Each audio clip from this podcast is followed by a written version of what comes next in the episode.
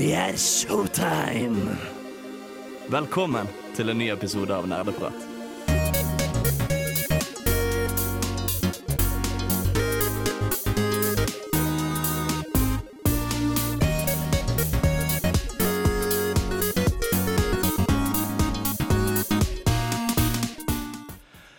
Hei og velkommen tilbake til en ny episode med Nerdeprat her på Radio Revolt.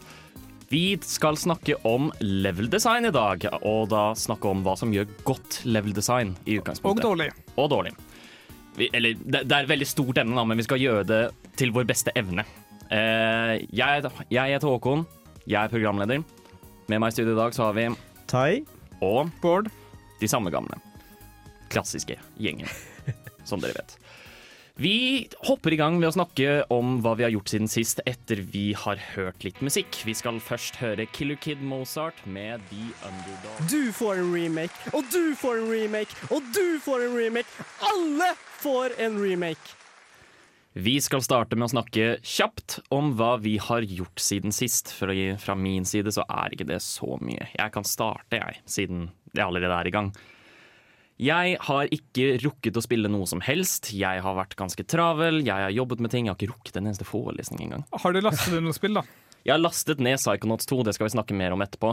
Um, men jeg har ikke fått spilt det ennå. Det, var- det er litt nedtur. Ja. Fordi jeg, hadde, jeg har gledet meg masse til Det er veldig å dumt å kjøpe spill du ikke har tid til å spille.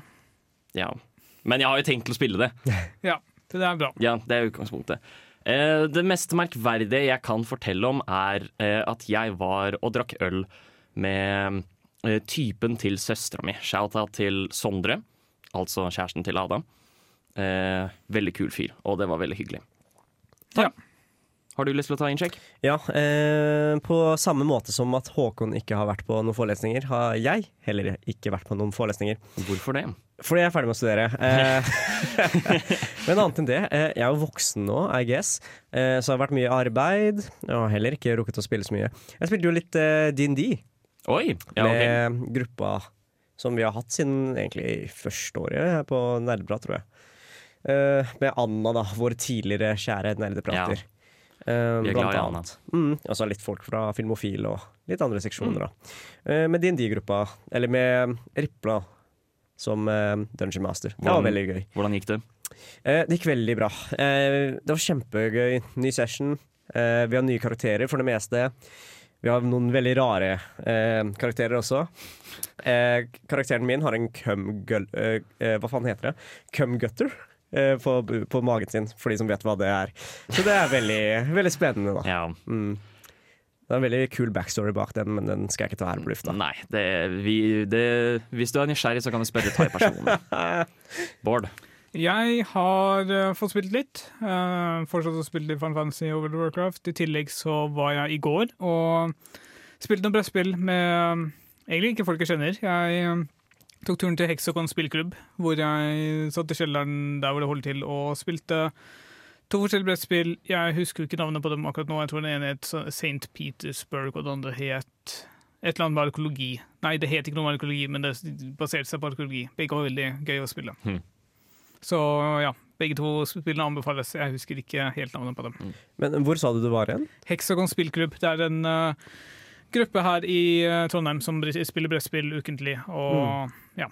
Så det er bare masse tilfeldige folk som samler seg og spiller, da? Altså, det er ikke veldig tilfeldig lenger når det er en gruppe. Ja, Men okay. det er folk fra Det er, det er ikke tilhører til noe spesielt uh, skole eller noe som helst. Det er bare en gruppe som skjer i Trondheim. Lignende OK, jeg vet ikke hva jeg skal sammenligne med. men, men er det bare å møte opp og så være med, da? Uh, ja, eh, de har medlemskontingent, og eh, de tar betaling per kveld, tror jeg. Men Mm. de første gangene er gratis for å teste det ut. Ja, skjønner. Og det er relativt rimelig. Jeg tror det er 50 kroner medlemskontingent og noe, en 200 eller noe sånt i semesteret. Ja. Hvor i Trondheim er det de holder til? Uh, like ved Fjordgata, i Ja. Brattør et eller annet. Om du er interessert, sjekk det ut.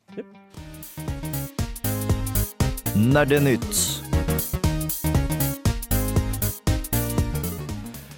Det har skjedd en del nyheter siden sist, og for å starte med å snakke om dette, så har vi lyst til å kjøre en liten oppdatering på eh, saksmålene, Ja, som vi snakket om eh, forrige uke.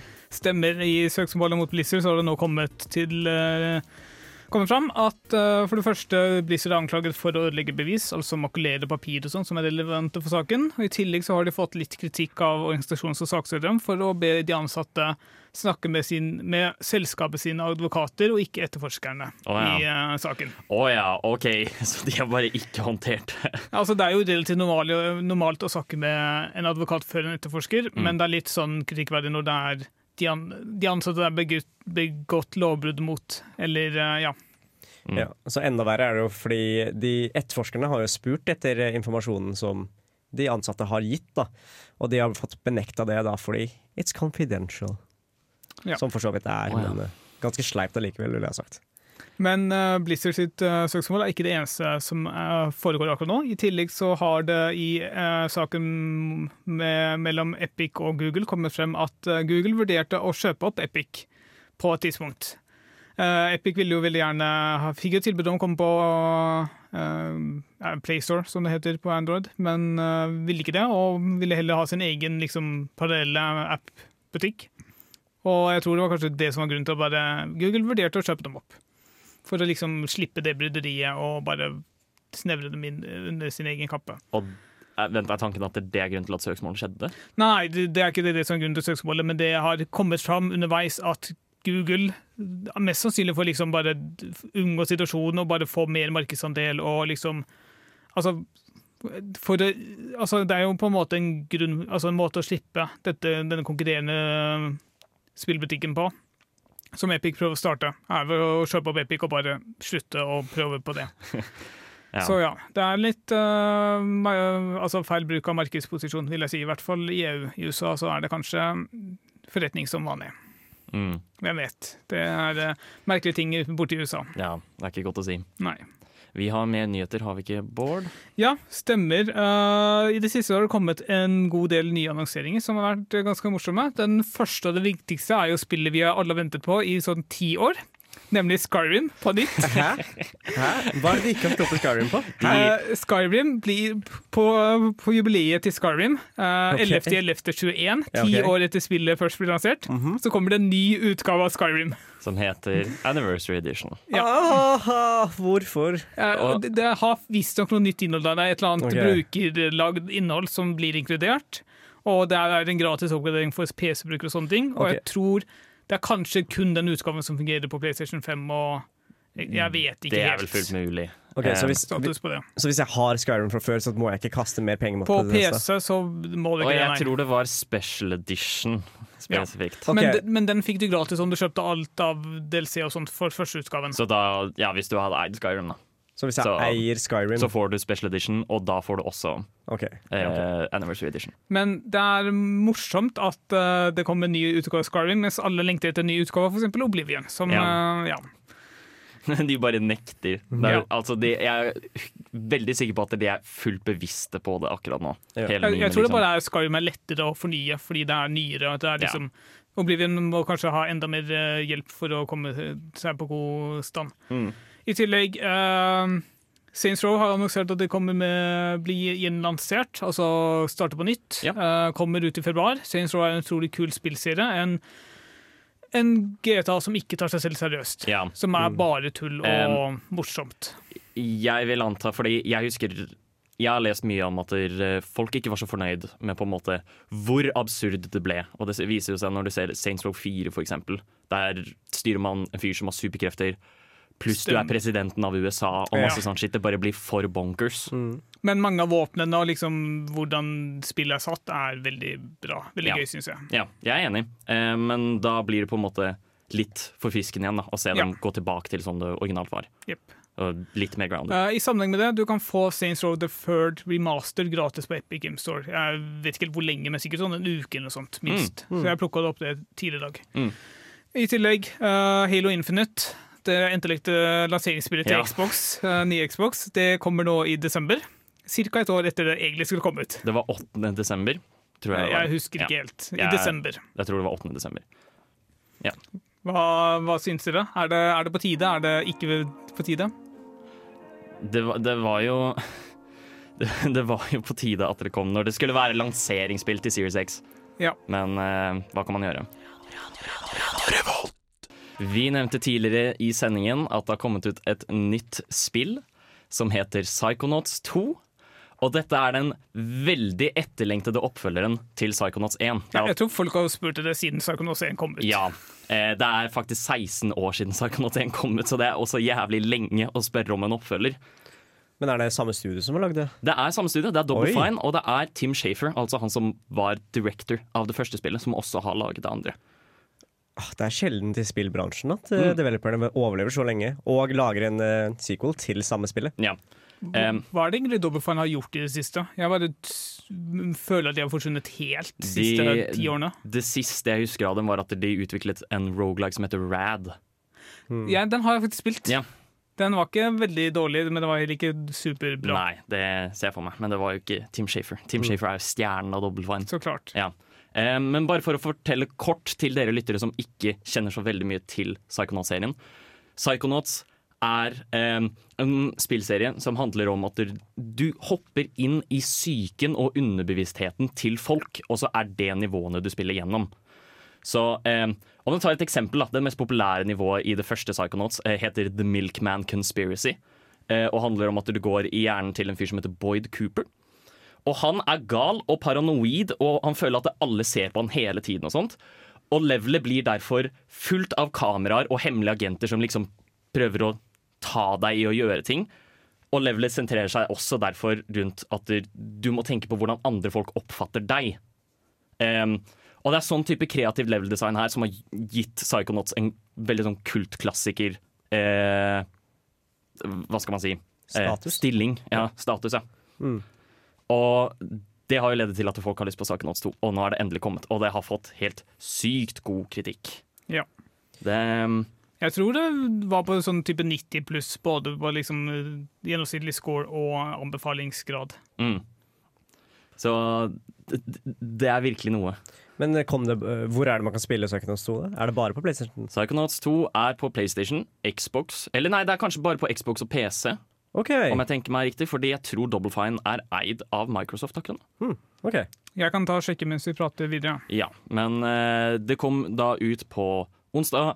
Jeg har dessverre ikke fått spilt det ennå. Jeg har kjempe, kjempelyst til å spille det, fordi det ser sykt bra ut. Jeg, jeg så litt gameplay av det, og mens jeg Altså, jeg syns det var veldig de var, de var veldig flinke til å holde den derre uh, PlayStation 2-nostalgien i den stilen av eh, liksom kameravinkelen og liksom hvor, hvor, store, hvor store banene er rundt det. da Det føles old school Det ut. føles ekstremt old school Mm. ut, og det var veldig godt gjennomført, syns jeg. Mm.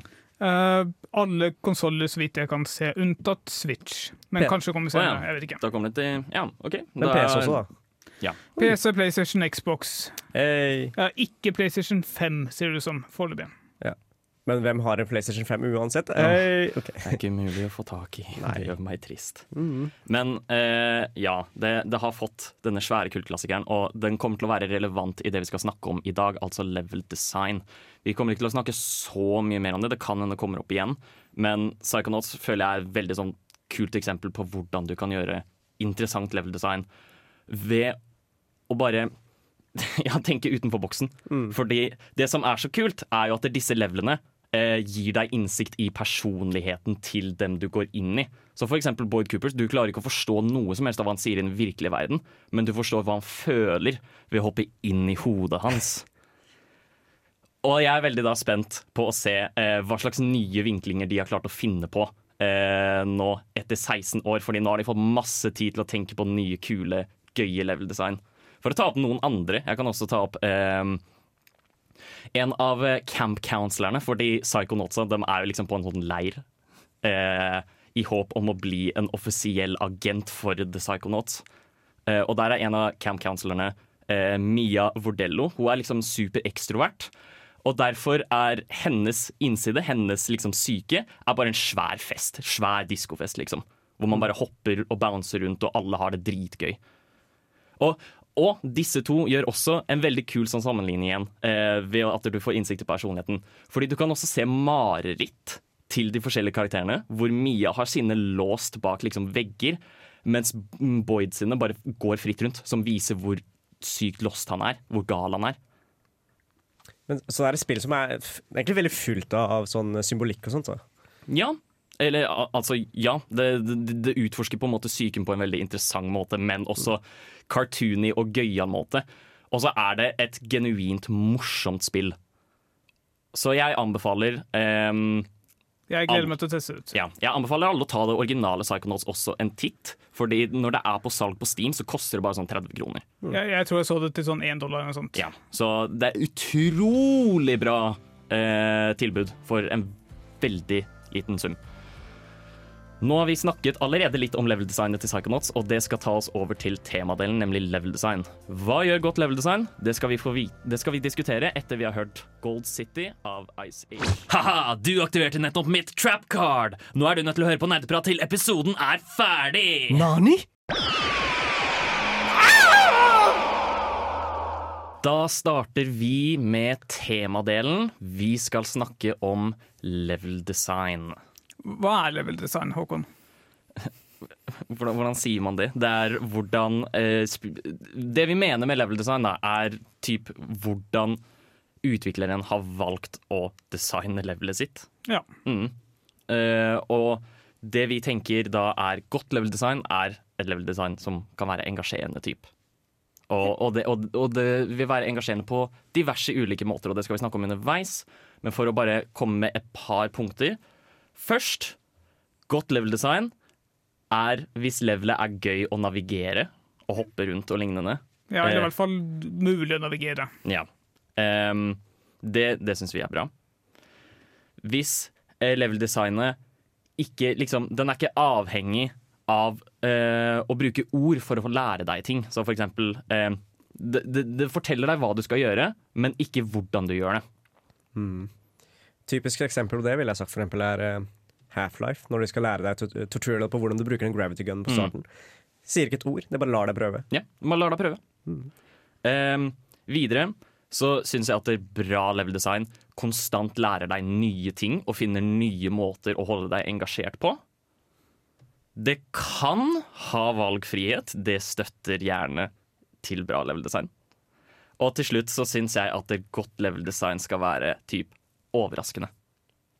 Med det så mener jeg eh, at der spilleren gjerne kanskje ikke forventer helt hva som kommer til å skje. Ja, inkluderer du også liksom plassering av fiender, for eksempel, innenfor den definisjonen? Ja, kanskje. Det spørs. Det, det, kan jo, det kan jo Ja, men det er også en fallgruve, fordi altså pikk plassering av fiender er jo ofte, då, blir ofte sett på som dårlig level design. Ja, nettopp. Ja, fordi det er sånn eh, å, det her, Hvordan i helvete skulle jeg reagere på dette her? Sånn type ting. Men hvis det, hvis det skjer et eller annet i nivået, da, som for eksempel eh, Jeg tenker på Donkey Kong Country. Eh, vi, nå skal jeg ta opp Tropical Freeze, hvor eh, du Det er et nivå hvor du driver og har sånn plattforming-utfordringer. Hvor du klatrer opp et fjell, og samtidig som du klatrer opp det fjellet, så bare begynner det eh, snøskred. Mm. Så, så, så plattformingen blir å klatre opp et snøskred. Så det vil si at du går mot strømmen, typ. Og det er sånn der, du, du forventer ikke det før du starter nivået. Det er kult. Jeg syns også at eh, godt level- design skal ikke være frustrerende. Fordi jeg har jævlig lav terskel for, for å rage-quitte et spill. Og herregud, Hvis det er frustrerende level, så bare dropper jeg det spillet. altså. Men, men det er jo problemet. Det, det, frustrerende på hvilken måte, Tai? Det er 15 forskjellige måter spill kan være frustrerende på. Nei, men, ja. hvis Du tenker å ha liksom, Du er en ledge som er ganske liten, og så er det sånn derre du, du prøver å snu deg. Liksom, frustrerende på en måte at du får ikke gjort det du har lyst til å gjøre. Så Men- den begrenser deg på en måte den egentlig ikke var designa på å gjøre. Men nå snakker du om spillmekanisk begrensning. Nei, nå snakker, Det er liksom hvordan du har satt opp banen. for eksempel, er, hvis stien er for liten, og så, og så er det lett å falle av. Og det er ikke meninga at det skal lett å falle av. Det handler rett og slett om at Ja, det er bare dårlig design. Veldig dårlig Ja, design. fordi det er sånn Det burde ikke være så vanskelig eller så presist, eller noe sånt, Ja. men så er det det. Mm. Og det er, sånn, det er frustrerende fordi um, det som tilsynelatende skal være en helt OK utfordring, blir obnoxious. Ja. Irriterende. Men da vil jeg heller si det er mangel ved spillmotoren og modellen Mm. enn av levela, fordi levela er kanskje ment å være liksom estetisk pent og liksom ha et narrativ. Ja. Men det skal være mulig å være begge deler, tenker jeg. Spesielt når i et spill så designer du alt. Ja. Så burde det være mulig å lage et level som faktisk passer da til spillmotoren din. Mm. Mm. Som liksom tar høyde for begrensningen som du har. da Hvilke spill er du tenker på, Tai? Ah, nå sitter jeg og tenker på Jeg tror Rayman Revolutions var det, var det et hopp som egentlig skulle være veldig veldig lett, men kameraet bare dunka borti veggen hver jævla gang, og jeg falt. Og jeg bare Ja. Jeg gir opp. Jeg gir opp. Ja. Ehm, der fikk du iallfall vår liste, og vi skal snakke om noen av disse tinga. Eh, mesteparten av disse tinga som vi nevnte. Ja. Ehm, underveis i sendingen, og vi starter med å snakke om navigasjon.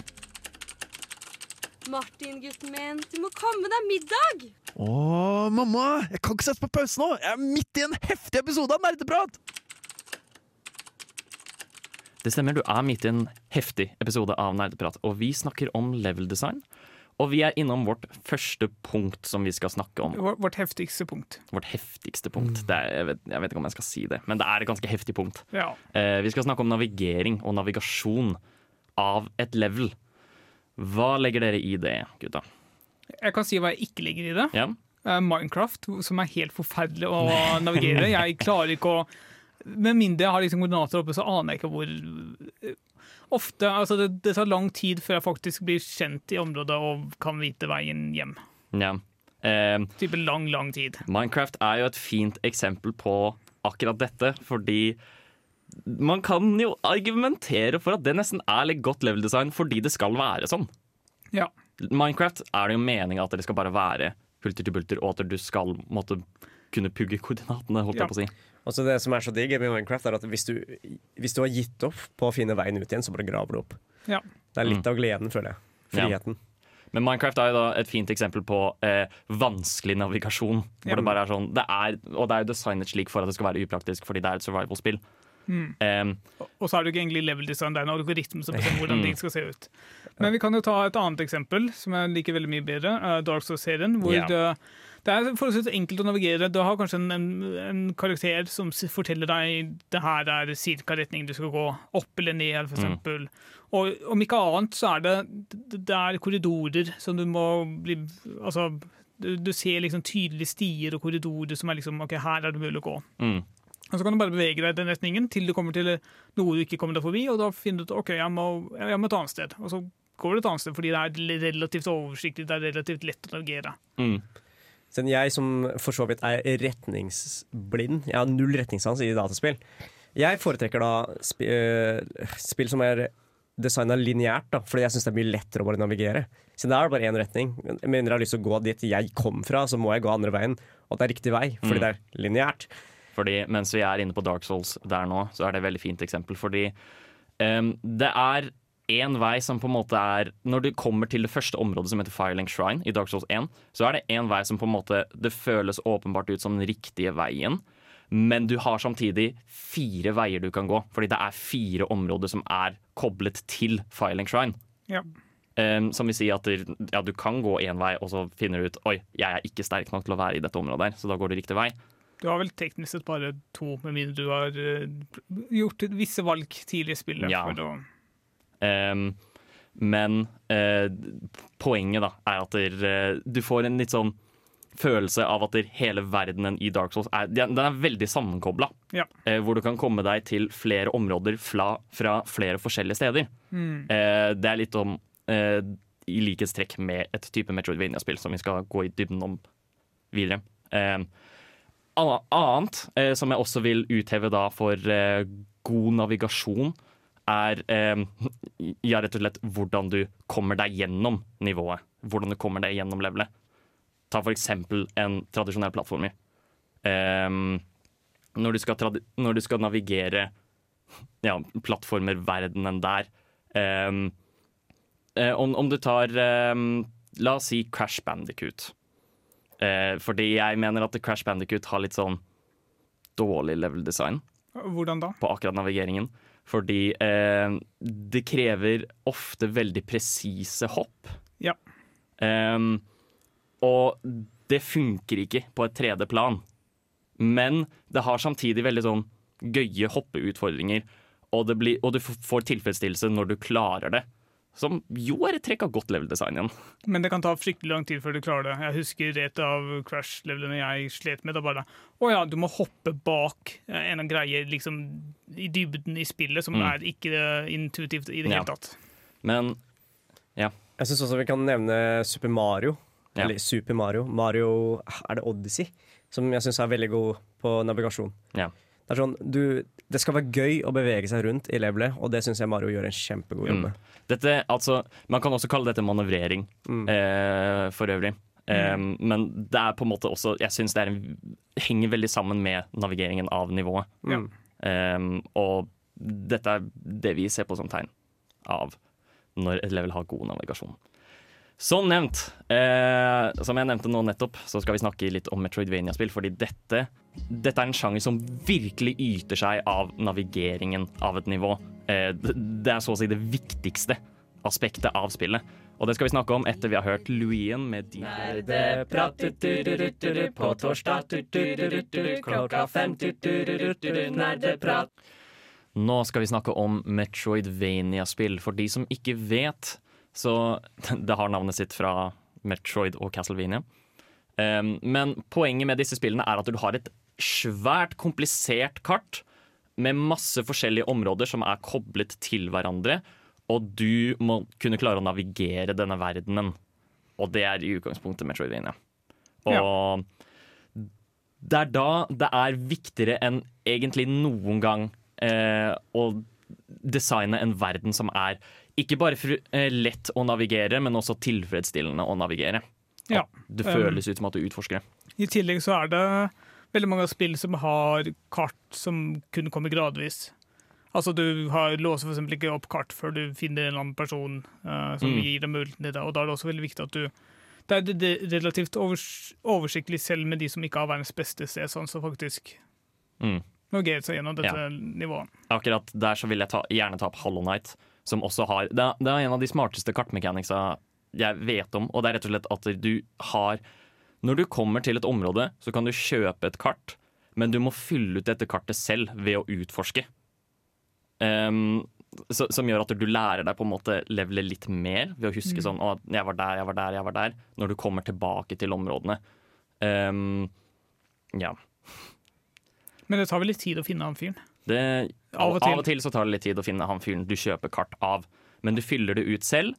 Eh, og på den måten så på en måte når du setter deg på benken da og tegner eh, kartet, så, så kan du se liksom Å, disse områdene her har jeg vært på. Ja. Mm. Hollow Knight er også et veldig fint eksempel på ehm, en, en Metroidvania som jeg syns er, den er perfekt strukturert i form av når den skal holde hånda di, og når den skal gi slipp. Hvor de tre første områdene er det veldig lineært, og det går typ én vei. Og så kommer du til et spesifikt punkt hvor spillet er sånn Nå har du nok evner til å gå egentlig hvor du vil. Ja. Det er også veldig flink til å fordi det er noen spill som ikke er så veldig flinke på å liksom vise deg at her trenger du noe nytt for å komme deg videre. Og hvis jeg husker riktig, så var Hollow Night ganske god på det. Mm. Hvor det er liksom Du sliter, og så bare finner du ut etter hvert år jeg trenger et dobbelthopp eller noe sånt for å komme meg videre. Det, var, det visste jeg ikke. Mm. Jeg vet ikke, jeg visste ikke engang at dobbelthopp fantes i dette spillet. Jeg syns også det er veldig kul spillmekanikk for uh, Metrovania-spill å bruke um, sånne bevegelsesverktøy da, for å låse opp de nye deler av kartet. Ja. Og da begrenser de, de, de belønner deg liksom ved neste del av mappen når du unlocker et nytt verktøy, og det syns jeg er egentlig Mm. Det er ganske gøy som spillmekanikk. Da Da ser du sånn der Oi, det hoppet her husker jeg. Jeg skulle Ja. ønske jeg kunne hoppe høyere. Nettopp. Og så, så når du får evnen som lar deg Mm. komme vi- videre, så husker du det området. Ja. Så er det noe du gleder deg Ja. til. Da bare sånn Yes, det området her. Eh, For å gå litt tilbake til manøvrering også, så kan vi faktisk snakke om en veldig stor del av Metroidvania-spill som kalles sequence breaking. Fordi når du nettopp sa det Oi, jeg kan ikke komme meg opp hit. Men plutselig så finner du en litt sånn cheesy måte hvor du kan komme deg opp dit likevel, før du egentlig skal det. Eh, dette har blitt en stor greie, og, og de, design, de som har designet Hollow Knight, for eksempel, har blant annet sagt at der, eh, Oi, vi fant et par sequence breaks selv da vi spilte gjennom spillet, men vi lot de være der. Sånn at folk kunne kødde rundt på egen hånd og oppdage disse tinga selv. Og da får du en følelse av tilfredsstillelse fordi de føler at de kan navigere nivået på sin måte. Så, da jeg spilte sånne Metrovania-spill selv, så syns jeg liksom, en veldig stor del av gleden var å liksom «Ah, Jeg kan prøve å cheese det her. Mm. Siden det er en secret som egentlig Du skal egentlig ha en ability for å kunne komme til det, men du kan komme til det ved å gjøre et eller annet dum, dumbass shit som tar et fem minutter istedenfor. Ja, Men du, du, kan det. du er god nok til å gjøre det, og det er gøy. Mm, Fordi definitivt. du navigerer ut av rekkefølge, Mm. og da blir det morsomt. Jeg føler det er en sånn liten seier mot uh, developeren. Mm. Spesielt når det har gjort det så vanskelig for meg å finne fram. Eh, som siste ting så vil jeg gjerne snakke om eh, det jeg snakket om da vi nevnte Dark Souls, og det er at verden føles veldig sammenkoblet. Ja. Eh, og det, det er vel kanskje det viktigste delen av et Metroidvania-spill. At eh, du skal kunne komme deg til et sted på mange forskjellige måter, fordi da føler du virkelig åpenheten, og at du navigerer verden på den måten du ønsker. Eh, og her vil jeg også gi litt hets til min kjære Metroid, eh, Super Metroid, som er jo et av mine favorittspill. Men for, fordi det spillet har eh, veldig sånn intuitivt level design, men samtidig sånn utrolig mange områder hvor du bare kan komme deg via én vei. Eh, Hva med Metro Prime, hvor du har en sånn flyveskip som du må liksom reise mellom planeter og så Det er Metroid Prime 3, og jeg er enig, det er ikke det beste designet, men det er Nei. også det sorte fåret i den trilogien. Men Metro Prime har også et eh, godt eksempel på det. Det er et område som heter Fendrana Drifts, som er et slags isområde. Og den eneste måten du kan komme deg til dette området, er at du går gjennom Magmore Cavern, og så kommer du deg til Fendrana Drifts. Og Magmon Cavern kan kun, er kun tilgjengelig gjennom to områder igjen, som vil si at du, du må gjennom dette ene området hver eneste gang du skal til Fendrona Drifts. Ja. Og det blir kjedelig. Fordi da føles det som backtracking, og det er ikke bra level design. Fordi da, da, du, Hvis du ikke har lyst til å gå til Magmore Cavern når det ikke er noe særlig der, fordi det er jo problemet med Magmore Cavern. Ja, at det er så skjønner. lite der. Ja. Så der fikk du noen tanker om Metroidvania og hvordan de håndterer level design i en, i en spillsjanger hvor level design er det viktigste du kan gjøre. Halla, snupper. Vil du være med og høre på nerdprat, eller? OK, her kommer vi. Introduksjonen av nye mekanikker. Hvordan skal et spill introdusere nye mekanikker, gutta? Fortell oss om det. Ja. Gjerne skriftlig rapport på fem sider. Ja, og da, jeg vil at det mørker ut hele skjermen din og gir deg hvit skrift på, på svart bakgrunn. Hvordan øh, øh, Å, herregud, hvordan går jeg fram? Hvordan hopper jeg over denne tingen her? Altså, hvis den skal vise deg en double jump ikke sant? mens du hopper, pause hele spillet, slik at du kan trykke space på nytt. Ja. ja, jeg elsker å lese manualer til brettspill, så hvis vi bare kan eh, men akkurat den der eh, der, der tok du egentlig en fin liten sånn ting. Har dere sett eh, tutorialen til eh, Eller tu, så min, lite som det kan være tutorialen til Celeste? Uh, Ja, jeg Ja, har spilt fordi eh, der- starten av Celeste. Ja, Der løper du, og så idet du hopper, så rekker du akkurat ikke hoppet.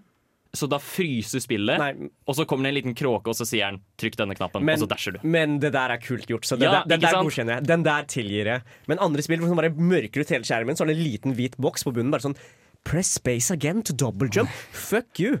Ja. Eh, det, det er ikke så engasjerende når eh, spillet forteller deg akkurat hva du skal gjøre. Eh, gjennom skrift, eller hva, hva enn det er. Manual. Ja. Det vi syns er godt level design, eh, er når spillet klarer å på en måte introdusere mekanikken uten å fortelle deg hvordan du skal gjøre det. Du bare forstår det på egen hånd gjennom intuisjon. Ja, så Et spillselskap som er kjempeflink på dette, er jo Valve. Ja. Siden de har jo lagd både Half-Life og Portal. Ja. Og jeg synes eh, Spesielt Portal er jo et veldig godt eksempel på dette. Når du først kommer borti eh, eh, kube- og knappmekanikken da, Mm. i Portal, så dropper, den, eh, så dropper Gladys bare en kube foran deg. Bare sånn der, Oh no, what are you going to do? Så du Ja. å trykke på to knapper da for å komme gjennom neste dør. Og Ja. da skjønner du intuitivt at du skal putte knappen på Eller blokken på knappen for å kunne komme deg gjennom. Mm. Så det syns jeg er liksom Portal er også sånn, de gradvis introduserer mekanikker, Mm. um, hvor de først gir deg én portal å leke med, og så får du to. Um, og så får du enda flere elementer, sånn som kuben. Mm. Uh, du får også denne fine gravity beamen, som rett og slett ja, Alt som er i veien for den, blir bare dratt i retningen den skyter. Og da kan du bruke portalen til å skyte gravity beamen i andre retninger igjen. Og det, spillet forklarer deg jo ikke det i det hele tatt, og da må du selv finne ut hvordan du skal bruke gravity beamen for å løse levelet. Ja, og så husker jeg også det levelet hvor uh, de jump platformsene kom for første gang. Da, er det, da, da, da bouncer den rundt en kube foran trynet ditt, slik at du skjønner hvordan de bounce-plattformene Ja, funker. da skjønner du Kanskje jeg også kan hoppe her Mm. og bounce rundt omkring. Ja. Så eh, Valve er kjempeflink på det også. Mm. Eh, Så det er det ordet vi leter etter, er- eller ordtaket vi leter etter, er da rett og slett 'show, don't tell'. Mm. Mm. Veldig viktig både i spill og poesi. Mm. Slam-poesi spesifikt. jeg. Jeg skal ta opp et annet eksempel igjen. Eh, Jeg snakket om Donkey Kong Country Tropical Freeze tidligere. Ehm, bare for å komme med Det er et nivå hvor det er en sånn svær skogbrann. Eh, og det nivået har så psyko mange mekanikker som det prøver å som det introduserer hele tida. Men en av de jeg tenker på mest, er rett og slett Det er en svær sånn statue. Eh, og hvis du kommer i nærheten av denne statuen, så faller den ned. Og den første statuen du ser, da, så står det en fiende under, og den blir skvist av statuen for å introdusere deg. Disse må du være forsiktige rundt. Og da skjønner du jo det. Spillet Ja. viste deg, men det fortalte deg ikke. Jeg synes også Half-Life sin Gravity Gun, som vi nevnte så vidt i stad. Mm. Eh, første, gang du får- første gang du bruker den, da, så ligger det liksom Det ligger et sånn sageblad på bakken, og så er, det, så er det et eller annet i veien. da Det er ganske intuitivt å plukke opp eh, Plukke opp det sagebladet og Ja. skyte det mot en ting for å kutte det opp for å gå videre. Og det spillet forklarer deg på ingen måte, men du skjønner jo at dette er det er eneste måte fremover. Du har en gravity gun, du har et sagblad. Det er veldig intuitivt. Og bare ta opp sagbladet med gravity gun og skyte det på fienden, eller hva enn det er. Men jeg føler det er, en, det, er, det er en kunst som jeg føler spillutviklere har kind of glemt. Fordi de fleste tutorials jeg er borti nå, er liksom Det står hva jeg skal gjøre. Ja. Eller så står det sånn liten lite sidequest. Bare sånn derre Remember to put the bla, bla, bla on the bla, bla, bla to progress. Men har du spilt Final Fantasy, Tai? Nei, det har faktisk ikke. I Final Fantasy 14 så er de veldig flinke på det. Hver eneste ny kamp så er det som regel Ok, la oss vise deg en lett versjon av den der først. Ok, Den klarer du fint. Ok, La oss prøve å gjøre det, komplisere det litt mer. Legge til litt mer variasjoner, kombinere det med andre ting som du også har sett alene først. Sånn at du, du blir liksom gradvis innført i mekanikkene i en kamp. Men jeg føler Fine Final Fantasy er liksom kongen av å escalate. Bare sånn, uh, Quest 1 er sånn derre Save the Kitten. Quest eh, 2, eller Final Quest er sånn derre Please kill God. Kanskje. Jeg skal ikke spolere historien for deg. Men eh, det er veldig sant at Triple A-spill ha, har veldig sånn vane for å bare fortelle deg akkurat hvordan du skal gjøre det. Jeg skal ta Doom Eternal som siste eksempel. Fordi um, i Doom Eternal, hver eneste gang du møter en boss, så bare får du en kjapp pop-up som bare sier 'sånn her beseirer du bossen'. Åh, gud, sær. Ja, og så, må, og så må du jo klare å beseire bossen, da, men du, du får ikke gleden av å finne ut selv hvordan du beseirer bossen. Eh, og jeg syns det er rart, fordi det var ikke noe sånt i Doom 2016, men de gjorde det i Doom Eternal. Eh, og det er jo dumt. Ja. 360 no scope. 420 blaze it. Mom, get the camera. Nerdeprat på Radio Revolt.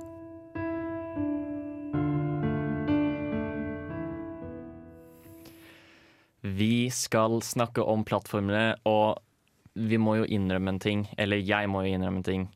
Dette er i hovedsak sånn at vi kan snakke om Mario. okay. Altså kongen av eh, det jeg vil si å introdusere nye spillmekanikker. Eh, eller kanskje ikke introdusere nye spillmekanikker, men kongen av spillmekanikker generelt. For om du Det spørs hvilken Mario du snakker om. ja, eh, Om vi tar Mario Galaxy, da. Mario Galaxy er et kjempegodt eksempel på dette, fordi eh, de En veldig vanlig ting i det spillet er at du ser en, en ny idé i hvert eneste nivå du kommer til. Um, og og, og de, er jo såpass lett fordøyelige, ikke sant? Uh, at du forstår akkurat hva du skal gjøre. Sånn som ta de, den ene uh, ørkennivået, hvor du har disse tornadoene som flyr rundt og sånt. Nå snakker du veldig spesifikt. Altfor spesifikt for meg til å følge med. Jeg har ikke spilt Galaxy på ti år. Det er i hvert fall disse tornadoene som flyr rundt. Og hvis du blir fanget i en av disse tornadoene, så kan du riste på Wii-remoten din, og så skyter du deg selv ut som et helikopter. Ja. Tidligere i nivået så har du også eh, disse fuglene som flyr rundt, og så legger de bomber. Eh, de, så, som egg, liksom. Eh, plutselig så kommer du til et punkt hvor du har tornadoene og fuglene samtidig.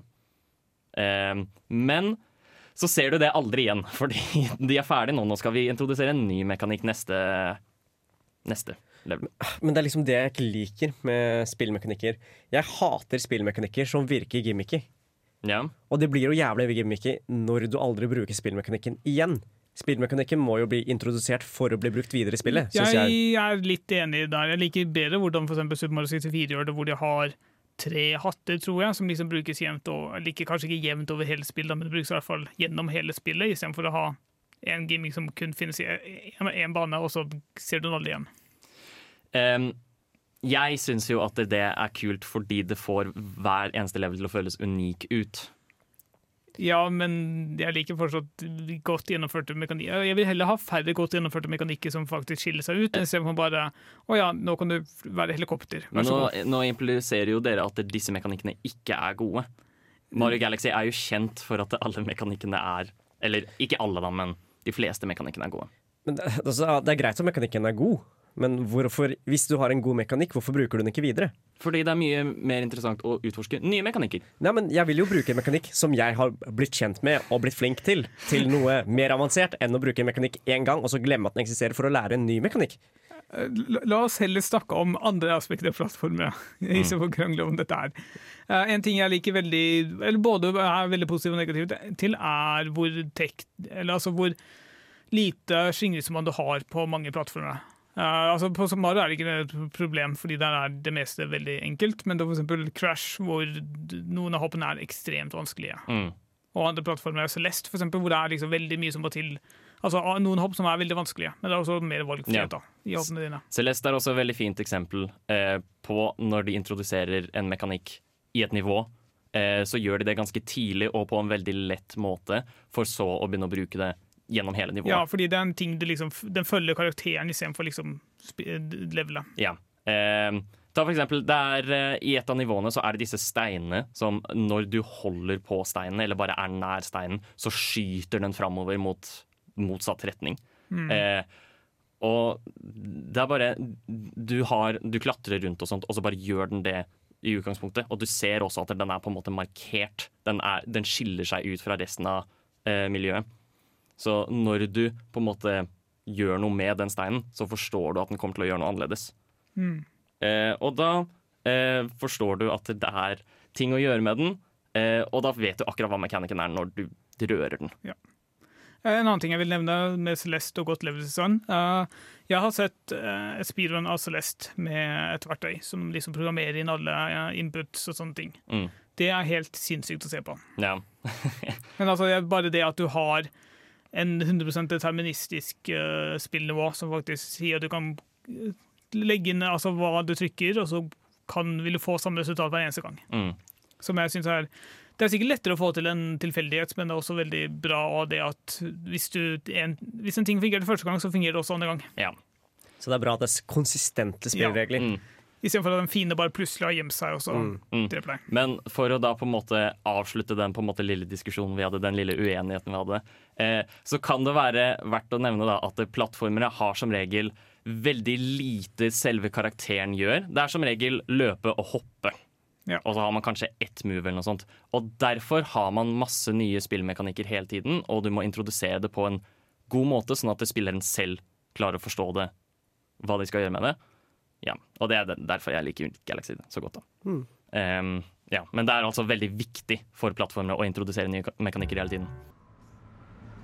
Vi skal nå høre fra en mann som er veldig langt unna hva han syns om programmet Nerdeprat på Radio Revolt. Nerdeprat er veldig gøy! Vi snakker om nerdeting og dataspill! Sånt liker jeg! Nå skal vi snakke om tematisk sammenheng. Hva mener vi med det? Eh, Da jeg skrev inn eh, forslaget, så er det hovedsakelig mest estetisk og liksom hvordan verdensbyggingen henger sammen liksom Mm. tematisk. Et veldig godt eksempel på det for eksempel, er i mine øyne eksempel Beyond Good and Evil, okay. som er veldig postopolistisk, og du Ja. liksom ser gjennom hele spillet at det er designet altså, Det er veldig godt gjennomført. Uh, og jeg tenker liksom ikke så mye på spillmekanisk, men bare det at du har monstre som dukker opp, du har liksom eh, båter på vannet som ikke er båter, men eh, drevet på luft. Sånne ting. Um, og så tenkte jeg på et annet spill eh, som jeg hadde på tunga nå nettopp, men som jeg helt har glemt. Men ja. Vi kan jo nevne Psychonauts, som vi sak, eh, nå som det nettopp har kommet til også. Ja. Du, Eh, Psychonauts har jo veldig sånn derre Veldig sånn tegneserieaktig stil til seg. Cartoonish. Um, og ja. Vet ikke hva mer jeg skal si. Nei, Jeg tenkte sånn i forhold til at uh, det går jo etter psyken til folk. At du Ja. endrer liksom eh, Level-designet endres jo hver eneste gang Hver gang du går inn, ny person. Vi kan snakke om uh, Ja, det er et veldig godt uh, eksempel. Og, og for eksempel sånn Milkman Conspiracy, som jeg snakket om i stad. Mm. det- hele det nivået er jo typ en nabolag. Men hele nabolaget er liksom vridd og skrudd og opp ned og masse sånne ting. For å videre illustrere at han er bare helt borte. Han er så gal, liksom. Eh, ja. Jeg vil også snakke om Bioshock. Ja. Ja. Bioshock er veldig godt gjennomført som Mm. tematisk og estetisk. Det har virkelig følelsen av Atmosfæren sier liksom bare at her er du under vann. Spesielt i eneren, da. Det før, fordi Um, i hvert fall i Man får litt sånn innblikk i noen av de senere spillene av hvordan Rapture var da det var typ et utopia. Mm. Um, planen var jo liksom at vi skal ned hit fordi vi har ikke lyst til å leve en del av samfunnet, bla, bla, bla. Så de er høyklassen her nede, og så bare ser du at alt har fuckings ramla sammen. Men jeg syns Bioshock mista litt den sjarmen da de bytta over til eh, Bioshock Infinite. Altså, eh, Infinite-verden er jo ekstremt fint og veldig veldig sjarmerende. Men eh, byene og liksom livet i den, der, i den Flying Cloud Cityen, den, det føles så tomt ut i byene.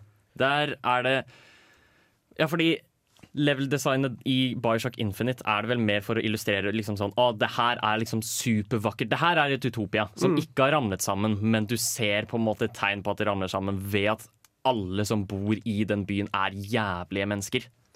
Så det, istedenfor at dere går på levelet, så går det mer på liksom karakterene du møter. Altså, d- d- begge spillene er jo ganske tomme, men det fungerer bedre i Bioshock 1, Ja. hvor det er, skal være tomt og det er liksom dødt, mens i Infinite så er det meningen at det skal være liv, og da fungerer det ikke like bra. Mm. Så det vi, øh, vi Vi snakket også litt om det under låt, at der, hvis du tar eksempel en plattformer, ehm, og, eller, eller bare hvilken som helst spill, egentlig, og når du spiller gjennom hele det spillet, så føles det fortsatt ut som det samme spillet når du er ferdig med det. Ja. Eller at de faktisk Og at de også går liksom dypt inn i temaene. Du har f.eks. Super Mario som har liksom veldig godt gjennomførte verdener hvor det er liksom lukket. Her har du en undervannsverden, her har du Mm. en ørkenverden som bare er virkelig godt gjennomført. Ja. Eh, Mario Odyssey har jo også en veldig kreativ verden som heter Luncheon Kingdom. Som bare er øh, Hele konseptet er bare det her er en svær verden hvor det bare alt er mat. Ja. Veldig gøy. veldig gøy. Ja. Veldig, veldig gøy. Eh, utrolig merkelig konsept, men det er sånn, når du kommer dit, så er det sånn ja, alt er mat. Ja. Det, jeg, jeg liker dette. Dette er gøy. Og så vil jeg bare nevne Dark Souls-spillene og Bloodborne, hvor god atmosfære de også bygger. At du faktisk er i en type middelalder-ish uh, verden hvor det er utenom noe, altså, overnaturlige ting som skjer, og du virkelig er liksom en liten person mot, som kjemper mot kjemper. Ja, ja. Eh, Dark, Dark Souls 1 er jo også veldig fin der, liksom når den første delen av spillet handler om at du skal eh, klatre. Du prøver å komme deg til Sense Fortress, og så Ja. klatrer du det jævlige tårnet, liksom. Og, må, og, og belønningen din er det vakre synet av Anne Londo. Ja. Det føles virkelig ut som at du har bes, liksom besteget et svært fjell. Ja. Kjempebra. Det, og det, det gir utrolig bra tilfredsstillelse. OK, hør. Bare, bare, bare hør nå, OK? Anna, Anna, bare hør på nerdeprat. Og det gjør du nå, faktisk. Du hører på Nerdeprat, spillmagasinet på Radio Volt. Vi snakker om level design, og vi skal gå innom et ganske stort og viktig aspekt av level design, syns vi, og det er mengden valgfrihet du får i å navigere eller hoppe rundt et level, eller hva Ja. det er. Jeg vil gjerne alltid drepe fienden til venstre før den til høyre. Og, og det er jo Ja, det er jo noe valgfrihet i det. Ehm, men ja, hva, hva, hva er det vi ønsker av valgfrihet i spillen? Altså, når jeg tenker valgfrihet på hva jeg ønsker i et level, da, så vil jeg heller vite Jeg vil egentlig ha frihet til å velge hvordan jeg navigerer og kommer meg gjennom levelet. Hvordan jeg slår levelet på, da, enn hvor jeg kan gå i levelet, Ja, hvis det gir mening. ja du, du, du ønsker flere måter å komme til det samme målet på. Ja. Det, det, var, det var fint sagt. Du vil velge å kunne bruke magi i Dark Souls. Blant annet. Nei. Og det er, eh, jeg syns det er en veldig viktig måte, fordi jeg syns at godt level design eh, har spilleren eh, At de gjør en måte ikke fordi de, de gjør det Å, herregud. Ikke fordi de må. de, de gjør ikke det fordi spillet har fortalt dem det her er riktig vei, de gjør det fordi de syns det selv er interessant. Ja. Så eh, hvis du har for eksempel Dishonored Dishonored er veldig kjent for Ja. å ha et, et enormt åpent level design. Der du skal fra A til B. Måten du skal gjøre det på, er at du, du, skal drepe en fyr. Du kan drepe denne personen på flere måter. Du skal vel ikke nødvendigvis drepe? Er det ikke noe sånt du kan redde? Jo, du kan av og til redde folk òg, da. Men som regel så Du er jo en type assassin, så du Ja. skal drepe folk som regel. Eh, og da har du flere måter å komme deg til det stedet. Og du har også flere måter du kan drepe dem på. Ved å, enten, du kan jo bare gå og liksom bare stabbe han, men eller så kan du finne en lur måte å for eksempel forgifte han. eller noe sånt. Altså, Gylne eksempel på dette kan jo være Hitman. Ja, Det er jo, du, altså, det er mange, du skal drepe den personen, men hvordan du gjør det, helt opp til deg. Mm. Ja.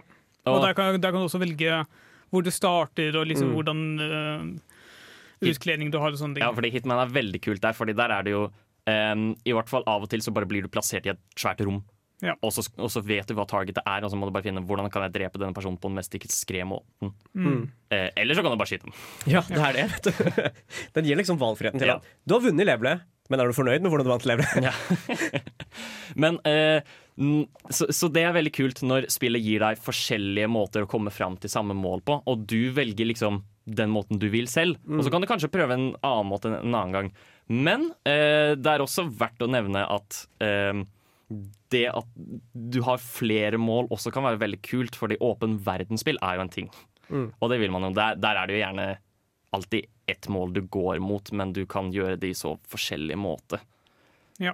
Eh, og ta for eksempel vi, vi snakket om det før sending, og det var Breath of the Wild. Um, som bare har klikka helt med denne valgfriheten i hvordan du ønsker å utforske den svære verdenen. Ved at du bare Du på ekte kan klatre på alt. Ja. Så hvis du har et jævla svært fjell, Um, så kan du enten Ja, du kan for gå rundt og finne en sti, eller sånt, eller så kan du bare klatre det. Men det er også et spill hvor spillemotoren hjelper massivt i liksom hvor bra gjennomført spillet er. Fordi Mm. Hadde du ikke hatt en motor hvor du kan klatre på hva som helst og faktisk kutte ned trær på den måten du kan gjøre det i uh, Ja. Så hadde det ikke vært et like bra spill. Så har du liksom Skyrim også, hvor hesten din kan bokstavelig talt klatre over Gud. Uh, jeg tror ikke det er med vilje, men det er jo en veldig Det er jo ikke med vilje. Det har blitt en sentral del av spillet. Ja, um, men Og det er man, man gjør det jo på sin egen måte, og man kan synes at det er gøy, men jeg vil ikke akkurat nødvendigvis si at Og det er Nei. heller ikke på levelet, sånn egentlig. Det er mer motoren igjen. Mm. Men uh, åpen verden er jo da også ja, kjent for å liksom ha Gi deg ekstremt mye valgfrihet i hvordan du velger å gå fram. Ja, og også ikke bare gå fram, men også bare gå til siden, og kanskje til og med også gå bakover. Hvis du ønsker det. Ja, altså jeg mener sånn type sideaktiviteter. Altså, mange Ja. spill vi- The Witcher lar deg spille Gwent. Det hjelper deg overhodet ikke liksom, til å vinne spillet, Ja. men for de som liker en sideaktivitet, spille grønt. Mm. Og hvis vi vil gå tilbake og få tak i et eller annet øh, sverd som er supersjeldent, men ubrukelig, så gjør du det. Mm. Oh, her kan jeg også nevne Cyberpunk. Her gikk jeg faktisk baklengs, i og med at eh, eh, jeg fant en dude i et rom som satt i et hjørne, og som tilbød meg uh, den beste pornoen jeg skulle se i mitt liv. Jeg betalte han 10 000 credits, og han skøyt med hodet. Ja. så, så husk den, barn. Ikke kjøp eh, random eh, porno fra eh, folk i kjelleren. Det var eh, Det var en god historie. Veldig spesifikt. Ja. Um, jeg tenker vi skal hoppe videre fordi Hva er det motsatte av valgfrihet? Eh, eller kanskje ikke motsatte, men hva er noe av det motsatte av valgfrihet? Linearitet. Eh, vi skal snakke om linearitet i level design eh, etter vi har hørt introvert. av Dagens sending av Nerdeprat er sponset av Raid Shadow Le... Ouch! Unnskyld! Unnskyld! Nå skal vi snakke om det jeg kalte det motsatte av valgfrihet. Um, Som er linearitet. Eh, det er vel kanskje mer å si at valgfrihet er ikke-lineært. Ja. Mens lineært er ja, lineært. Um, og et problem i level design hvis du, La oss si du designer et lineært spill, så kan det ofte liksom Risikoen for det er at det føles litt lite engasjerende ut, og at det derav blir kjedelig. Ja. Men nå har jeg som motargument på det. da Eh, Jeg syns at et godt design av lineært spill er bedre enn et dårlig design. Eller et, et straight up Jeg liker lineære spill bedre enn det jeg liker open world-spill. Rett og slett fordi at da vet jeg at all innsatsen for å designe dette spillet har gått inn for å gi meg den beste opplevelsen i den beste rekkefølgen som de kunne ha gjort. helt uenig. Ok? Okay. Ja, ja, eller jeg, altså i hvert fall i visse Jeg har et veldig godt eksempel. Uh, Dungeons i World of Warcraft og i Final Fantasy er veldig vidt forskjellige. Eh, I World of Warcraft så har du mye større områder hvor du kan faktisk unngå noen fiender. Du, kan, du velger aktivt hvilke fiender du har lyst til å drepe, hvilke er lettest å drepe, sånn at det kommer fortest mulig gjennom dette her. I Final Fantasy er det bare en korridor. Og som regel så bare plukker du fiender helt til du møter en vegg, og så dreper du fiendene, og så forsvinner veggen, og så fortsetter du. Ja, Men kan du virkelig kalle det et godt designet lineært spill? Final Fantasy generelt er et veldig godt spill. Og det, det, det, altså Estetisk så ser de veldig bra ut. Mekanikkene som brukes i det spillet, er veldig bra. Men det er er, altså, lineariteten er det som ødelegger det for meg. I den sammenhengen der. Jeg er helt uenig. Eh, ikke akkurat for Final Fantasy, eh, jeg har nesten ikke spilt det. Men jeg har Jeg kom ikke på noen eksempler nå, som var litt dumt. Men jeg har spilt de fleste spill som jeg syns jeg husker godt, og jeg liker godt, er spill som er lineære. Som er godt designet og har liksom det er Timingen og alt er liksom plassert slik på, den, på en måte som gir den beste opplevelsen. da Istedenfor at du snubler inn i en uh, open world-ting som egentlig du kunne ha møtt når som helst og ikke spilt noen rolle. Jeg sier ikke nødvendigvis at åpen verden er bedre, men hvis du f.eks. ser på Dead Cells, hvor du har flere veier å komme deg forbi fra liksom startområdet, så liker jeg det mye bedre enn spill hvor du ikke har noe valg. Hvor du f.eks. bare blir tvunget OK, det her er retningen du går. I det Cells så har du liksom Du må faktisk utforske kartet for å finne ut hvor er utgangen, og finne ut ok, hvilken utgang er det egentlig jeg har lyst til å ta denne gangen. Men når alt dette er sagt, så er det jo ikke nødvendigvis at fordi level design er lineært, så betyr det at spillet er dårlig eller kjedelig. Nei. Ehm, Men linearitet kan ofte tilføre skjesomhet hvis du er på jakt etter valg. Hvis du har lyst til liksom Fordi det, det øker vanskelig Eller altså øker skill uh, ceiling. Altså hvor høyt Ja. ferdigheten din kan gå. Hvis du får, også, som en, uh, som en del av spillet, må velge hva er beste ruten her. mm, Um, jeg jeg syns jo Hva var det, om vi kan snakke om for eksempel eh, New Super Mario Bros.-serien. Der syns jeg er veldig sånn fint eksempel av ehm, jeg, jeg føler ikke Jeg føler lineariteten blir litt kjedelig til tider. Mm. selv om de, de, har, de introduserer nye mekanikker, og sånt men ofte så kan de også gjenbruke gamle. Um, som, om, som snakket om tidligere en god del. Men at det, det blir litt dølt. Og der kommer også det jeg snakket om eh, med godt level design. Hvis det skal være lineært, så bør det i det minste liksom overraske spillerne på en eller annen måte. Ja. Eh, sånn som for eksempel hele denne eh, snøskrednivået i Tropical Free som jeg snakket om på starten. Hvor det er sånn Level-designet i Donkey Kong Country er såpass kreativt og unikt og intuitivt og sjokkerende at det, eh, det blir fortsatt veldig gøy å spille, selv om du bare har én vei og én måte å gjøre det på. Ja. Eh, men på motsatt side også, så syns jeg også i forhold til eh, I forhold til open world-spill, da. eh, for eksempel, eller open world som flervalgsspill. da Hvis du eksempel går en feil retning, da. At det er sånn der, For å komme deg til neste level At du, du har glemt noe i den open worlden, eller du, du, du finner ikke stedet hvor du skal gå. Den backtrackinga den fjerner meg skikkelig fra spillet, så jeg hater det spillet. Da Da legger jeg det fra meg. ja, men det, det gjør jeg også. Ja. Når innså du at du var en gamer? Dersom du kunne spilt kun et spill i et år Hva er det eldste spillet i backloggen din? Hva har du lært fra spill som du har fått nyte av i Er det et spill som har hjulpet deg gjennom en tung periode av ditt liv? Hva er ukas spørsmål? Ukas spørsmål er Nå har vi snakket masse om godt level design og litt om dårlig level design, så vi skal naturligvis snak eh, spørre konkret om ett level som vekker sterke følelser i deg. Er det noen som har lyst til å starte? Jeg kan starte, jeg. Ja. Uh, Anne Londo i Dark Souls-serien. Ja. uh, av flere grunner. Mest fordi det, det, når du er ferdig med området før, så uh, blir du plukket opp av noen fuglene flyvende ting. Og du får sett liksom et oversiktsbilde av Anne Londo. Og det, det er helt magisk. ja.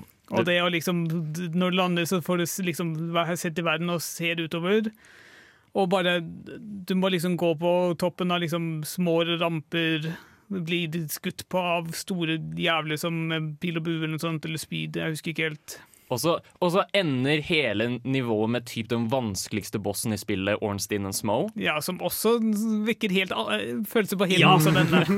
Så det er bare Ja, fantastisk Det, det, nivå. det slutter jo ikke helt med det nivået. Uh, nivået slutter jo med en melding hvor det står 'Great chest ahead', Ja. og så får du en gjenstand som ødelegger egentlig resten av spillet. Ja. Spill, spill, Anna er definitivt høydepunktet. Det Ja. faller ganske av etter hvert. Great Chest Ahead er så jævla en ternbit, altså.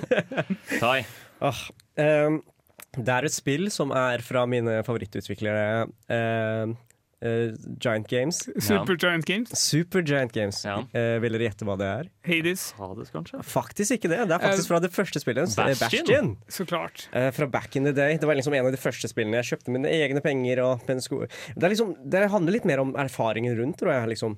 Eh, Omstendighetene rundt det enn eh, selveste levelet. Men, men det er veldig godt i designa spill. Ja, det er sånn, eh, For de som ikke har spilt Bastion, da, Bastion sine leveler, eller nivåer, da det, det popper liksom opp foran deg, sånne små brikker. Ja. Eh, mens du går, da, så skyene bare popper opp, og så Ja. får du liksom resten av designet rundt der. Jeg husker veldig godt siste bane, spoiler alert, på en ti år gammelt spill. eh, hvor du skal redde en av de liksom, the bad guys. Uh, du skal, eller du kan velge da, la de ligge der og dø, eller Eller spesifikt eh, redde dem, da. Eh, og så, Det syns jeg var en sånn skikkelig epic moment. siden Det er litt vanskelig å se hvor du skal gå på levelene på Bastion. Og da, da må du plukke opp en dude som gjør deg halvparten så rask, eller treig, da. Og så må du dra han gjennom et level som er vanskelig å navigere. Siden det syns jeg var veldig godt brukt av. Eh, også nevne fortellerstemmen i Bastion. Å ja, definitivt. Den sexy, sexy stemmen til Logan, tror jeg han heter. Hva med deg, Håkon? Eh, jeg eh, tenkte hardt og lenge, og da tenkte jeg at jeg skulle si noe som ikke har blitt sagt ennå, og det er politistasjonen i Resident Evil 2. Ja. Eh, fordi det, det, er så, det er såpass sammenkoblet, og det har veldig litt sånn Metroidvania-aktig struktur, hvor du finner en ting, og så bruker du det et annet sted, og så begynner du å lære deg politistasjonen. Og det som også Ja. er så kult, er at der, eh, du får tilgang til enkelte rom som Leon, og så får du tilgang til enkelte andre rom som Claire. Som vil si at når du spiller gjennom det som Claire, så får du nesten et Nesten et nytt layout. Du får en ny måte å utforske på. Ut- Hva, hva får du tilgang til som Mr. X, da? Hmm? Hva får du tilgang til som Mr. X? Du, du, du, bare frykt. OK. Bare frykt og skrekk. Um, ja. Så der fikk du dere noen av våre favorittleveler. Jeg elsker deg, nerdeprat. Vi skal være sammen for alltid, hver torsdag på Radio Revolt. Det er jo helt ærlig en løgn, fordi vi er jo faktisk ferdig for i dag. Vi er ferdig med dagens episode. Vi har snakket om level design. Vi har snakket om det vi syns utgjør et godt level design. Hatet lite grann om ting vi ikke liker.